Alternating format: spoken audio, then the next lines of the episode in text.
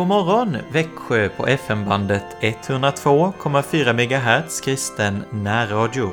Jag heter Joakim Brandt Erlandsson och är präst i Helga Trefaldighets församling i Alvesta och Sankt Andreas Lutherska församling i Emmaboda. Vi lyssnar till Ej silver, ej guld.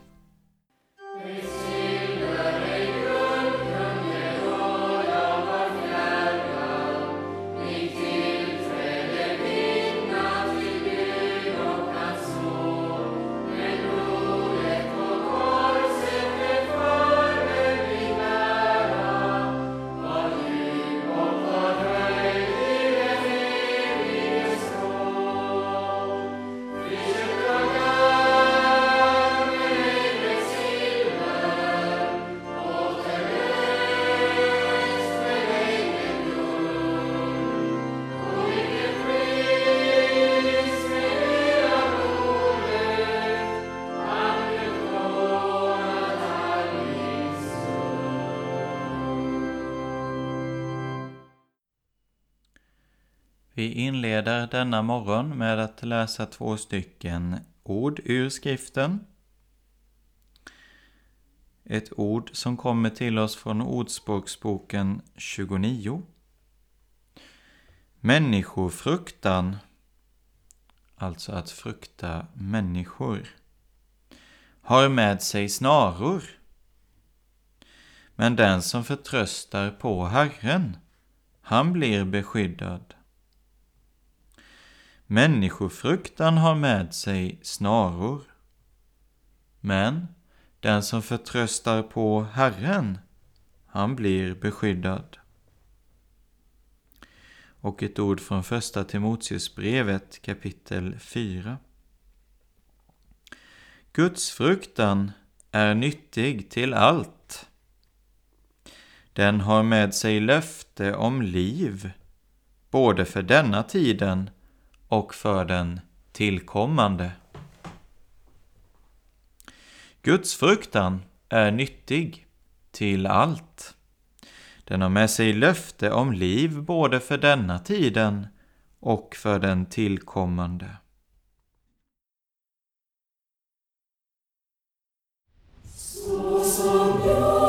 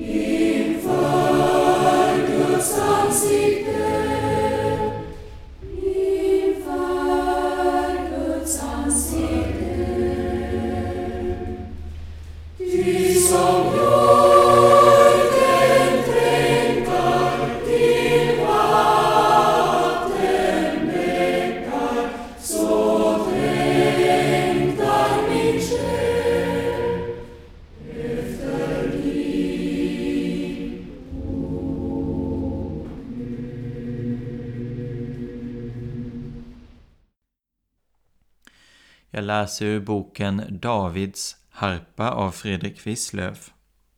Ett ord från Psaltaren 129. Mycket nöd har de vållat mig alltifrån min ungdom. Dock blev de mig inte övermäktiga. Det är Israel som säger detta. Det lilla, oansenliga folket har blivit plågat och trängt av de stora världsrikena. Men Herren har inte överlämnat sitt folk åt till intet görelse. Detsamma gäller Guds barn i alla tider. Både Herrens församling och dess enskilda medlemmar har måst gå igenom många trångmål. Men dödsrikets portar har inte blivit de övermäktiga. Guds rike består och lever vidare. Det är oövervinneligt. Så är det också med Guds barn. Trångmålen kan nog ibland ta modet ifrån oss. Det tycks som om motgångarna till sist alldeles skulle bryta ner oss. Men det ska inte ske. Gud är med. Och därmed är segern viss. Han skall ge dig kraft att hålla ut. Mycket nöd har de vållat mig alltifrån min ungdom, dock blev de mig inte övermäktiga.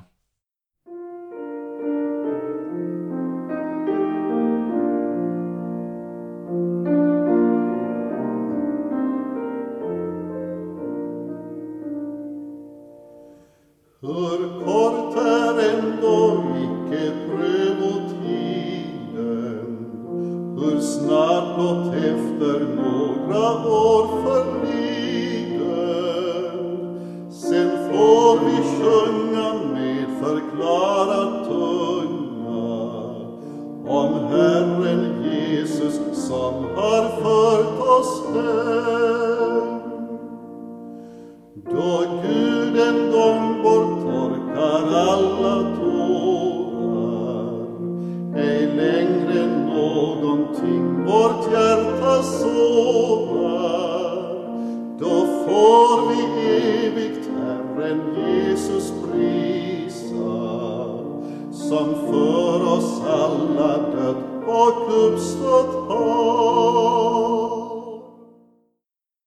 Låt oss läsa ett stycke ur Hebreerbrevets fjärde kapitel.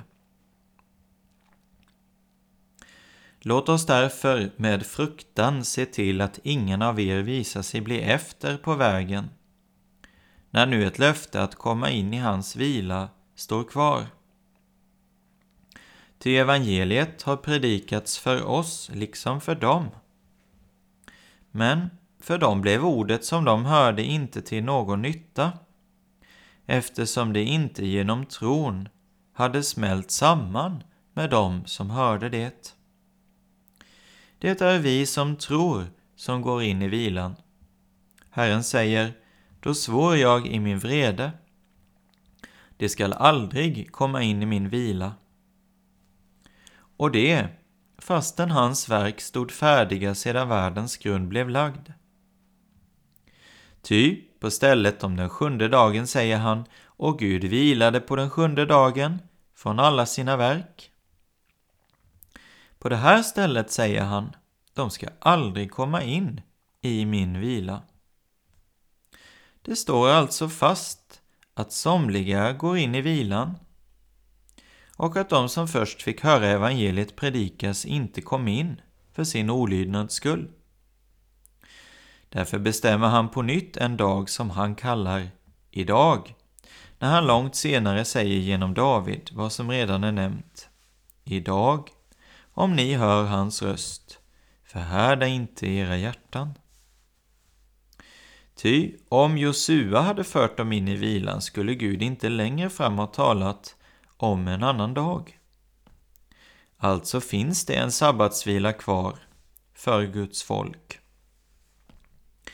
Den som har kommit in i hans vila får vila sig från sina gärningar, liksom Gud vilade från sina. Låt oss därför ivrigt sträva efter att komma in i den vilan, så att ingen kommer på fall som dem och blir ett exempel på olydnad. Ty Guds ord är levande och verksamt.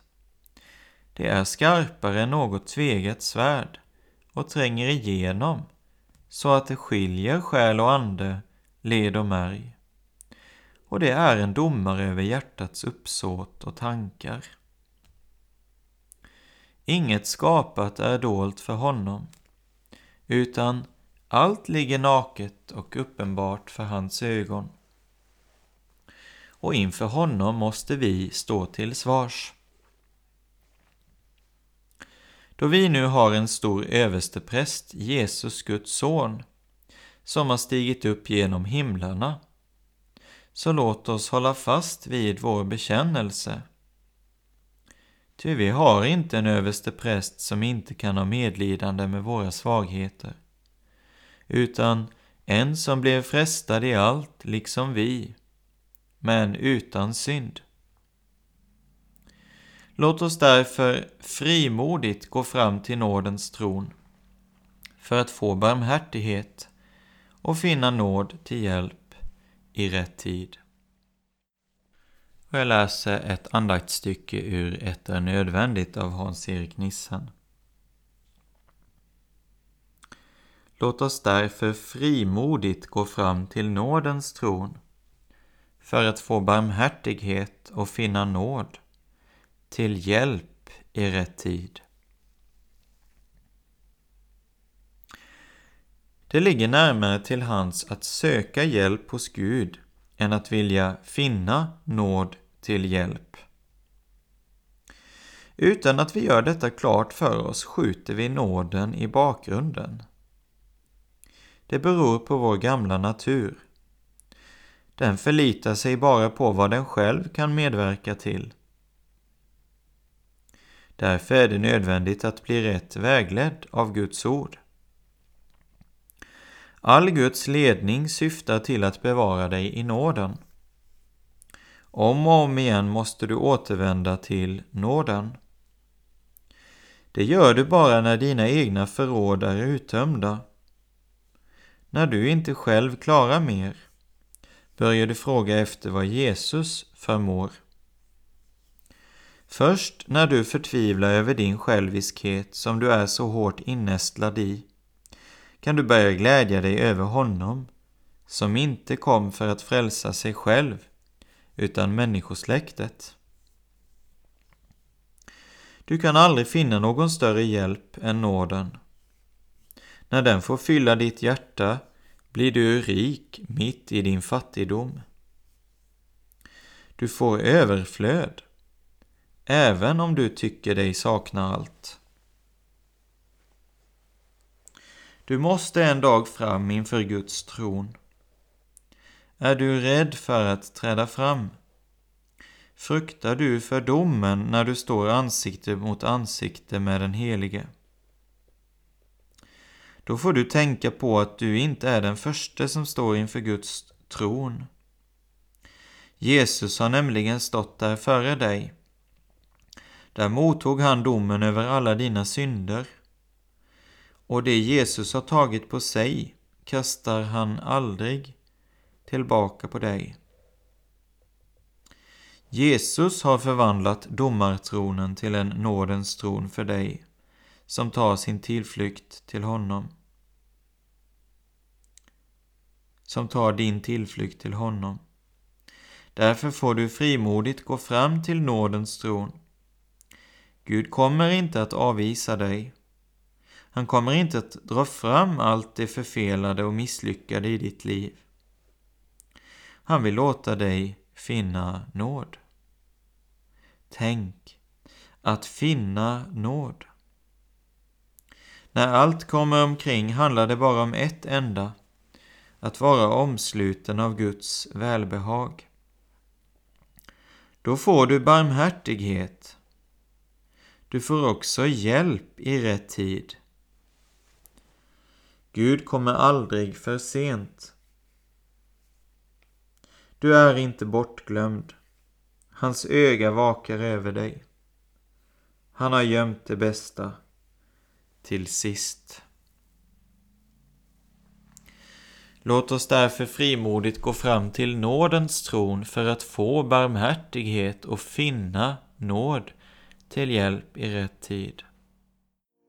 Om berg och höjder skulle plötsligt vika skall Herrens trofasthet dock aldrig svika.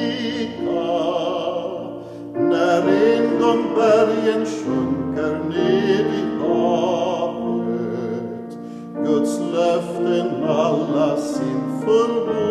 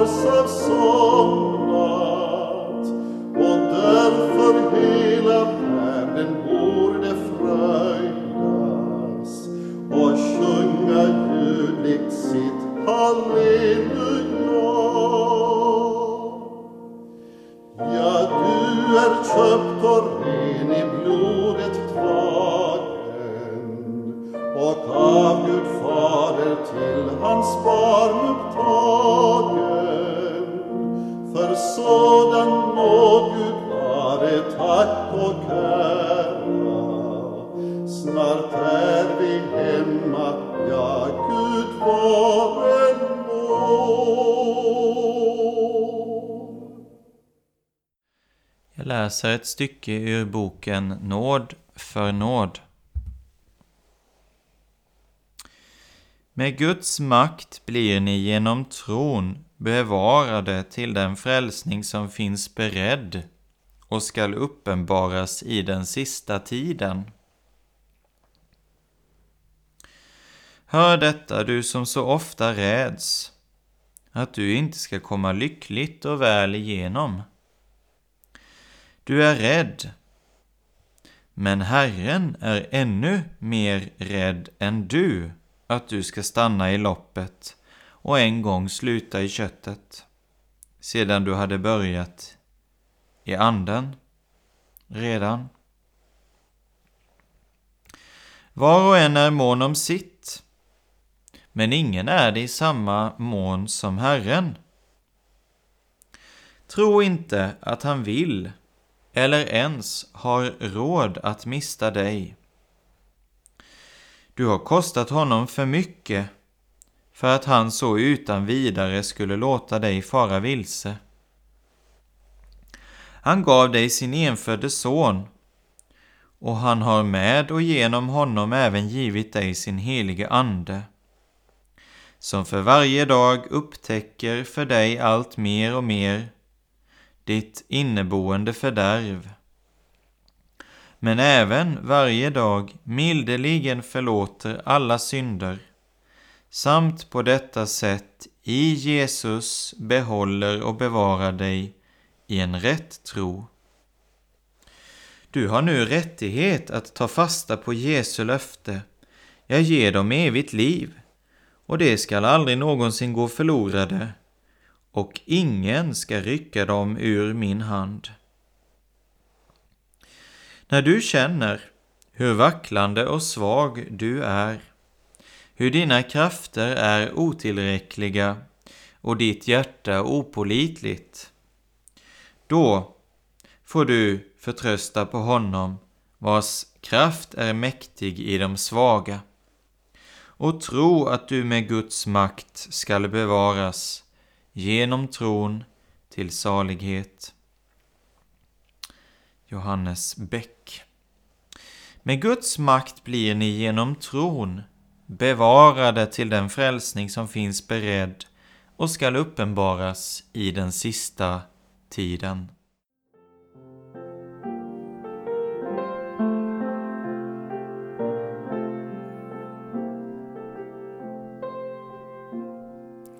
Jag vet vad som förbliver en grund att bygga på. När tidens stormar driver allt mänskligt att förgå. Vad världens visa tänker blir till ett gyckelspel. Men denna grunden skänker ett hopp som ej slår fel. Den grunden är ett fäste som trotsar makt och list. En hand som är ett nät näste, det är min Herre Krist. Hans ande livets kärna, hans ord går ej i. Han är den klara stjärna på tidens vilsna hav. Jag läser ur boken Livets segerkrans av Hans-Erik Nissen. Herre, den du har kär ligger sjuk. Det är gott att veta att en människa man håller av är innesluten i Jesu kärlek. Så är det alltid, men inte minst när vederbörande är sjuk. Och det var Lazarus. Hans stora lycka var att han hade två systrar som kände bönens väg. De sände bud till Jesus. De talade inte om för Jesus vad han skulle göra, men de påminde Jesus om hans kärlek till deras bror. Hur visste de att Jesus älskade honom? Det kunde de märka när Jesus besökte dem. Mest av allt visade det sig i det han sa till Lazarus. Du ska inte heller tvivla på Jesu kärlek till dina sjuka. Hur många ord finns det inte i Bibeln som är fyllda med kärlekens värme och riktade just till honom eller henne som har det svårt? När du bär fram den människan i förbön får du säga till Jesus Det är den du älskar som jag ber för. Avspeglar inte systrarnas ord till Jesus vad de har sagt till sin sjuke bror? Alla kommer vi in i prövningar där vi har behov av att en bror eller syster säger de välsignade orden Du är älskad av Jesus. Kanske ska du idag säga det till någon som är sjuk. Kanske behöver du allra mest själv öppna ditt hjärta för de förunderliga orden Du är älskad av Jesus. Herre, den du har kär ligger sjuk. Han blev i synden slagen och har i döden gått men har på segerdagen till härlighet uppstått. I nåd är jag nu skonad på denna fasta grund Skall min synd försonad i heligt nytt förbund. Jag vet vad som förbliver